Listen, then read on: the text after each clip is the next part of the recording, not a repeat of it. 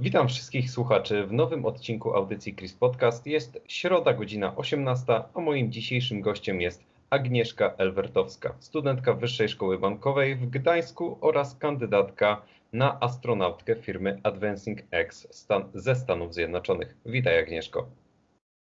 Cześć i dzień dobry wszystkim. Zacznijmy właściwie od tego, skąd wzięło się Twoim zainteresowaniem Zacznijmy właściwie od tego, skąd wzięło się Twoje zainteresowanie kosmosem i jak, od jak dawna się nim fascynujesz?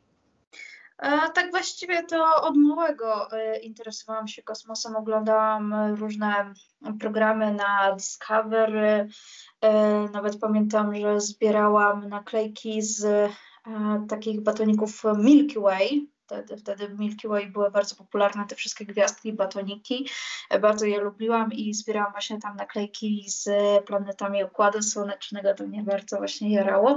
I też y, wtedy pamiętam, y, zastanawiałam się, kim chcę być w przyszłości i to pamiętam, że jednym z moich pomysłów y, było to, żeby może zostać astronautą, ale tam pamiętam, że ktoś mi powiedział, że um, trochę średnio, że ciężko by było, żebym została astronautą, bo astronauta to musi mieć oczywiście, nie wiem, 200 IQ i w ogóle być nad człowiekiem, przynajmniej tak mi zostało to przedstawione wtedy, e, więc sobie pamiętam, wtedy to odpuściłam, aż do czasu studiów, kiedy to dołączałam do swojego pierwszego projektu kosmicznego e, i tak zaczęłam na nowo rozwijać swoją pasję, e, swoją kosmiczną pasję. I w pewnym momencie zdałam sobie sprawę, że wcale nie muszę e, mieć 200 IQ i być nad człowiekiem, aby zostać astronautą. Przecież astronauci to też są ludzie, a nie nadludzie. Dlatego stwierdziłam, że dlaczego by nie spróbować?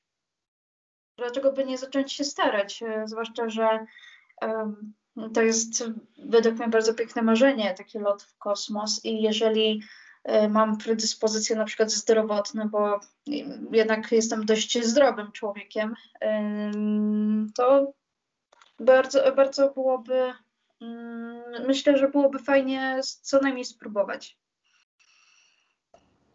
A właśnie, skoro już wspomniałaś o tych 200, 200 IQ i byciu nad człowiekiem, opowiedz, jakie właśnie kryteria trzeba spełnić, żeby zostać astronautą?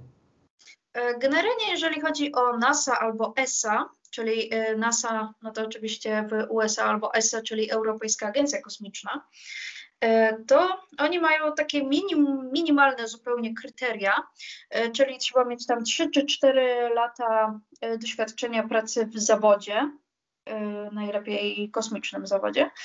Trzeba mieć co najmniej magistra, ukończone studia i mieć magistra, co najmniej magistra. E, oraz właśnie być, e, być zdrowym, mieć dobre wyniki zdrowotne i tak dalej. To jest takie, takie totalne minimum. Co nie zmienia faktu, że oczywiście to minimum nie jest wystarczające, bo ludzi na takie na, jak już jest przeprowadzona selekcja, to ludzi zgłasza się mnóstwo. Teraz, jak ESA szuka astronautów, to mm, zgłosiło się teraz z całej Europy ponad 22 tysiące osób. Więc to jest naprawdę mnóstwo ludzi. Ja nawet się nie spodziewałam, że tylu aż będzie, bo pamiętam, że jak ostatnio był nabór, on był chyba ja, ja, już nie pamiętam, ale e, naprawdę kilka, kilka lat temu, a, a, nawet więcej, to zgłosiło się tylko 8 tysięcy osób z całej Europy, także e, ten nabór pobił kompletnie wszystkie rekordy. Do NASA nawet nie wiem, czy się nie zgłasza e, więcej osób, e, także jeżeli ma się aż taką konkurencję, to e, powinno się naprawdę te minimalne wymagania nie starczają, to najlepiej mieć, nie wiem, tutaj doktorat, publikacje naukowe, e, być naprawdę wysportowanym człowiekiem. Trzeba mieć naprawdę bardzo, bardzo dobre wyniki zdrowotne. E, najlepiej mieć doświadczenie w sektorze kosmicznym, najlepiej e, już mieć do czynienia z takimi treningami astronautycznymi, jak na przykład, e, nie wiem, e, nie na przykład mieć licencję pilota, to jest naprawdę bardzo fajne. Właśnie, bo jeżeli chodzi o te minimalne wymagania, to jest, że albo mieć tam magistra z, ze studiów, najlepiej inżynierskich bądź bądź biologicznych albo innego rodzaju naukowych, bądź E, właśnie być e, pilotem e, lub być pilotem i mieć przelatane doświadczenie, mieć doświadczenie pilotażowe i mieć przelatane ileś tam godzin, pamiętam, że to była ogromna liczba godzin, nie pamiętam tego nawet, ile dokładnie, ale generalnie właśnie jeżeli jest się na przykład, nie wiem, jak w moim przypadku ja dążę do bycia magistrem inżynierem, no to właśnie naprawdę nice to have i, i bardzo super by było, jakbym właśnie miała na przykład właśnie licencję pilota, co najmniej PPLA. Do tego fajnie jest mieć na przykład licencję nurkową, po prostu wykazać się, że e, naprawdę w jakiś sposób się tam dąży, że, to, że bycie astronautą to jest pasja po prostu. I na to, e, to może przeważyć, e, czy się faktycznie zostanie astronautą, czy też nie. Oczywiście, jak ja tutaj wspomniałam o NASA i ESA, że oni prowadzą rekrutację, e, to warto wspomnieć e, również, że mm, żyjemy w czasach, w których powoli będą się teraz rozwijały e, prywatne loty kosmiczne, i tutaj dosyć mocno na rynek wchodzą prywatne firmy, jak na przykład SpaceX, albo na przykład tutaj współpracujący z nimi Axiom Space, który już na przykład e, będzie teraz powoli wysyłał e, ludzi, w sensie tych ludzi, którzy wcześniej nie byli astronautami albo byli, albo, ale na przykład są jeszcze raz zrekrutowani, do prywatnych lotów w kosmos. Więc ten rynek prywatnych astronautów będzie się Trochę jak ochotnicza straż pożarna, można do tego porównać. E, nie, nie, nie, to nie jest raczej ochotnicza straż pożarna, to jest po prostu e, tak jak na przykład są zawody, są ludzie zatrudniani bezpośrednio przez państwo, przez instytuty państwowe E, i są e, na przykład osoby zatrudniane przez prywatne firmy. To właśnie e, prywatni, komercyjni astronauci to będą ludzie zatrudniani przez prywatne firmy, szkolone przez prywatne firmy i do tego powoli będziemy dążyć właśnie, że będziemy mieć prywatnych astronautów i ja właśnie Oczywiście bardzo chętnie w przyszłości będę aplikowała do Europejskiej Agencji Kosmicznej, co zmienia faktu, że chciałabym się właśnie też szkolić na prywatnego astronauta, dlatego jestem w firmie Advancing X, e, żeby właśnie spróbować swoich sił i e, już zacząć trenować pomimo młodego wieku na właśnie komercyjnego, prywatnego astronautę. Wspomniałaś jeszcze wcześniej o um, licencji Nurka i teraz chciałbym jeszcze zadać dwa pytania. Um, Mianowicie, w czym dokładnie przyda się ta licencja nurka astronaucie? A także wcześniej wspomniałaś o tym, że kilka lat wcześniej zainteresowanie takim Zainteresowanie lotami w kosmos oscylowało tam w okolicach 8 tysięcy, teraz wynosi kilkanaście tysięcy. Co, mogło, co właściwie mogło spowodować e, taki wzrost zainteresowania? Mhm. Jeżeli chodzi o e, właśnie licencję nurkową, e, to licencja nurkowa bardzo się przydaje, jak już jest się tym, powiedzmy, że tak powiem, astronautą przygotowującym się do lotu w kosmos. To na przykład NASA czy ESA posiadają laboratoria, takie specjalne laboratoria, gdzie całe moduły na przykład Międzynarodowej Stacji Kosmicznej są zanurzone w basenach, e, gdzie ci astronauci właśnie nurkując e, imitują, woda po części imituje, e, nie idealnie oczywiście, ale po części co najmniej, imituje właśnie tą taką tym brak grawitacji. I właśnie oni w ten sposób trenują te właśnie spacery kosmiczne i tak dalej. Mm, więc y, po to na przykład się przydaje y, licencja nurkowa. Jeżeli chodzi o mm, zwiększenie zainteresowania.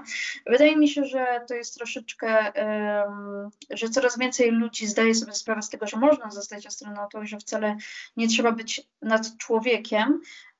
Oczywiście też internet, social media w tym pomagają. Więc dlatego pewnie ta informacja się co, co w ciągu tych kilku lat o wiele bardziej rozeszła. Plus jednak tam NASA zapowiada powrót na Księżyc, między innymi za pomocą misji Artemis. E, Chiny bardzo mocno e, konkurują tutaj i nawet zapowiedziały, że chcą polecieć na Marsa w 2030 którymś. E, więc tutaj ludzie zaczynają widzieć, że o, kosmos staje się coraz bardziej popularny i w ogóle, więc może by warto po prostu spróbować nie wiem, yy, chociaż możliwe, że są jeszcze jakieś inne czynniki, o których po prostu nie wiem albo nie przychodzą mi aktualnie do głowy. Może po prostu to też być zwiększenie ciekawości na ten temat. Tak, albo też po prostu też zmiana mentalności, bo jednak teraz e, się narzeka na tych milenialsów i w ogóle, że to są takie płatki śniegu, chcą być wyjątkowi i tak dalej, ale jednak e, to moje pokolenie, w sumie nigdy nie wiem, czy ja się zaliczam do milenialsów, czy nie, e, ale tak czy inaczej to nowe pokolenie e, wchodzi z takim przekonaniem, że chce zdobyć jak najwięcej w życiu, chce po prostu iść chcę, zdobyć jak najwięcej. Po prostu nie mają nic, nic do stracenia takiego i wiedzą, że albo się uda, albo nie uda. Są właśnie popychani tą ciekawością i nie wiem, może w ten sposób właśnie po prostu e, nie boją się. Może po prostu moje pokolenie nie boi się iść e, po to i sięgać po to, co chciałoby osiągnąć po prostu. A opowiedz nam, mm, skoro już mówimy o ciekawości, jak dowiedziałaś się o firmie Advancing X? E, mój kolega z Grecji, e, którego imienia i nazwiska nie wypowiem, bo nie, nie umiem go przeczytać poprawnie. E, to jest trochę, to, to, to, jest trochę, to jest trochę skomplikowane, żeby przeczytać. Niektórzy mają po prostu takie imiona i nazwiska, że po prostu nie umiem, nie umiem ich przeczytać. Co zmienia faktu, że mój kolega z Grecji właśnie e, powiedział mi o tej firmie i zaproponował, zaproponował mi, że jeżeli tak bardzo się interesuje właśnie tutaj e, misjami kosmicznymi i tak dalej i sama bym chciała zostać stroną, to, że to żebym zaaplikowała po prostu do tej firmy i faktycznie przyszłam wstępną e, rekrutację i teraz y, przez następne tam te 3-4 lata, w zależności od tego, jak tam pandemia będzie dalej postępowała, y, będę brała udział w różnego rodzaju y, challenge'ach, testach i tak dalej. I jeżeli wypadnę w nich naprawdę dobrze, jeżeli wpadnę w nich naprawdę bardzo dobrze, to będę miała szansę zakwalifikować się na lot suborbitalny. E, jakiś czas temu brałaś chyba udział w misji analogowej. To chyba była nawet majówka tego roku. Mm, misja analogowa to ogólnie taka, która ma symulować warunki jak, naj, jak najbardziej zbliżone do mm, warunków misji załogowej. I czy możesz się podzielić Twoimi wrażeniami oraz e, jaki był dokładny przebieg tego zadania? E, tak, to znaczy ja chciałabym tutaj powiedzieć, że ja brałam już udział w kilku misjach w sumie analogowych w Polsce i akurat nie w majówkę tego roku, ale tak mniej więcej co roku od trzech lat biorę udział w jakiejś misji analogowej w wakacje w Polsce. E, generalnie e, to różnie, różnie bywało. Jeżeli chodzi o na przykład moja ulubiona misja odbyła się dwa lata temu w habitacie Analog Astronaut Training Center, e, gdzie na przykład e, przez to, że już wcześniej odbyłam misję, e, to byłam obsadzona w roli komandora, czyli szefa załogi analogowych astronautów i razem z trójką innych e, właśnie tych analogowych astronautów zostaliśmy zamknięci na tydzień w warunkach kompletnej izolacji, czyli nie mogliśmy się komunikować ze światem zewnętrznym, nie mieliśmy dostępu do słońca, nawet do świeżego powietrza, e, bo nie można było otwierać okien, no bo jeżeli to miała być misja kosmiczna, to raczej w kosmosie, e, czy powiedzmy na Księżycu, czy na Marsie, to akurat była symulacja misji księżycowej no to raczej otwieranie okien nie jest wskazane. W trakcie tego typu misji właśnie każdy ma swoją rolę. My mieliśmy tutaj jeszcze wicekomandora, mieliśmy osobę odpowiedzialną za komunikację z organizatorami misji i generalnie zajmowaliśmy się wykonywaniem różnego rodzaju eksperymentów biologicznych, psychologicznych, socjologicznych, e, bo izolacja e, jest bardzo właśnie ciekawą, jest bardzo właśnie ciekawym przypadkiem e, do badań, jak ludzie właśnie znoszą taką totalną izolację i jak długo mogliby ją właśnie tutaj, tutaj znosić, jakim się tutaj jakim się zachowanie zmienia i, i tak dalej, jakim się zmienia percepcja, e, szybkość myślenia i, i, tak dalej. Naprawdę dużo rzeczy można tutaj, tutaj w ten sposób badać, będąc odizolowanym na tydzień, czy zazwyczaj akurat standardowa długość misji to jest dwa tygodnie, ale bywają też misje analogowe, akurat może nie w Polsce, ale bywają misje, które trwają miesiąc, a nawet i pół roku, więc to jest naprawdę długi okres czasu, ile naprawdę mogłaby trwać tego typu y, misja kosmiczna. A mogłabyś się podzielić z nami na tem, mogłabyś się z nami podzielić na temat tego, jak właściwie wygląda trening astronauty, jak bardzo jest rygorystyczny, jak wymagający oraz mm, ile może on trwać? Znaczy treningi astronautów, tych takich właśnie powiedzmy z ESA czy NASA, e, potrafią trwać, no tutaj jest chyba trochę różnie, bo z tego co pamiętam, jak czytałam, to nawet e, do pięciu lat i tutaj e, osoby przez te całe właśnie pięć lat to znaczy chyba tam minimum z tego co pamiętam to powinny być dwa, trzy lata przygotowań. E, ale chyba zazwyczaj trwają 5 lat i tutaj e, dosyć mocno e, ludzie, przede wszystkim nie tylko właśnie pracują nad eksperymentami, uczą się tych eksperymentów, ale również właśnie muszą się dograć, bo tutaj bardzo ważne jest, żeby członkowie załogi się dogadywali, bo jeżeli się nie będą dogadywać w trakcie misji, to taka misja może się przerodzić, mówiąc kolokwialnie, w koszmar, bo jednak ludzie e, w trakcie misji, tak jak zazwyczaj są wysyłani, nie wiem, na pół roku na Międzynarodową Stację Kosmiczną, właśnie ci prawdziwi e, astronauci są wysyłani na pół roku, tak na przykład, nie, właśnie na pół, mniej więcej na pół roku na, i oni spędzają ze sobą na bardzo małej powierzchni całą dobę, 24 godziny, 7 dni tygodnia przez pół roku, więc oni muszą się ze sobą dogadywać. Tutaj bardzo ważne jest, żeby e, załoga została dobrana w taki sposób, żeby ci ludzie się nie pozabijali nawzajem i żeby się nie, nie kłócili cały czas ze sobą. E, I to jest e, czasami bardzo, bardzo trudne. Jeżeli chodzi o treningi, to tak jak mówiłam, astronauci biorą udział w treningach e, nurkowych, czyli właśnie e, nurkują do tych zatopionych w basenach modułów ISS i, i tam ćwiczą właśnie spacery kosmiczne. Też biorą udział w lotach parabolicznych, gdzie te loty paraboliczne wywołują efekt mikrograwitacji, do którego astronauci muszą się przyzwyczaić.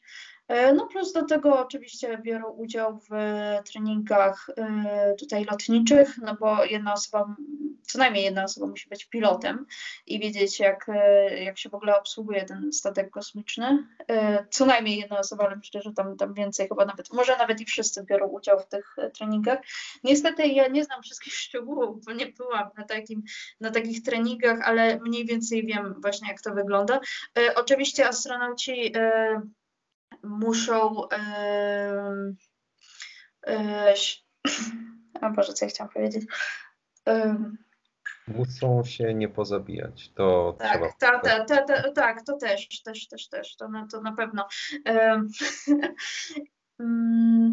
No, sporo tego jest. Na pewno muszą dużo ćwiczyć, nie? że muszą mieć jak najlepszą formę. E, no, muszą się nauczyć, jak ćwiczyć, w, jak potem wykonywać ćwiczenia w kosmosie, e, bo później niestety e, przez to, że w kosmosie jest ta mikrograwitacja, to im potrafią tutaj mięśnie i w ogóle zacząć szwankować, zanikać wręcz. I potem po powrocie na Ziemię przychodzą bardzo długą rehabilitację, więc oni naprawdę muszą polecieć tam naprawdę mocno przygotowani pod względem tutaj fizycznym. Muszą być naprawdę bardzo dobrej formie. A jak to wygląda z pomocą? A i przede wszystkim e, mi się przypomniało, że na przykład e, jeżeli chodzi o aktualną Międzynarodową Stację Kosmiczną, no bo pewnie w przyszłości powstaną inne stacje kosmiczne, e, ale jeżeli chodzi o aktualnie Międzynarodową Stację Kosmiczną, to tam wiele rzeczy jest po rosyjsku, więc na przykład astronauci w trakcie tych kilku lat uczą się na przykład języka rosyjskiego. Mhm. A jak to właściwie wygląda z pomocą psychologiczną, bo wiadomo, muszą spędzić kilka nawet miesięcy poza Ziemią i pewnie coś może zacząć szwankować.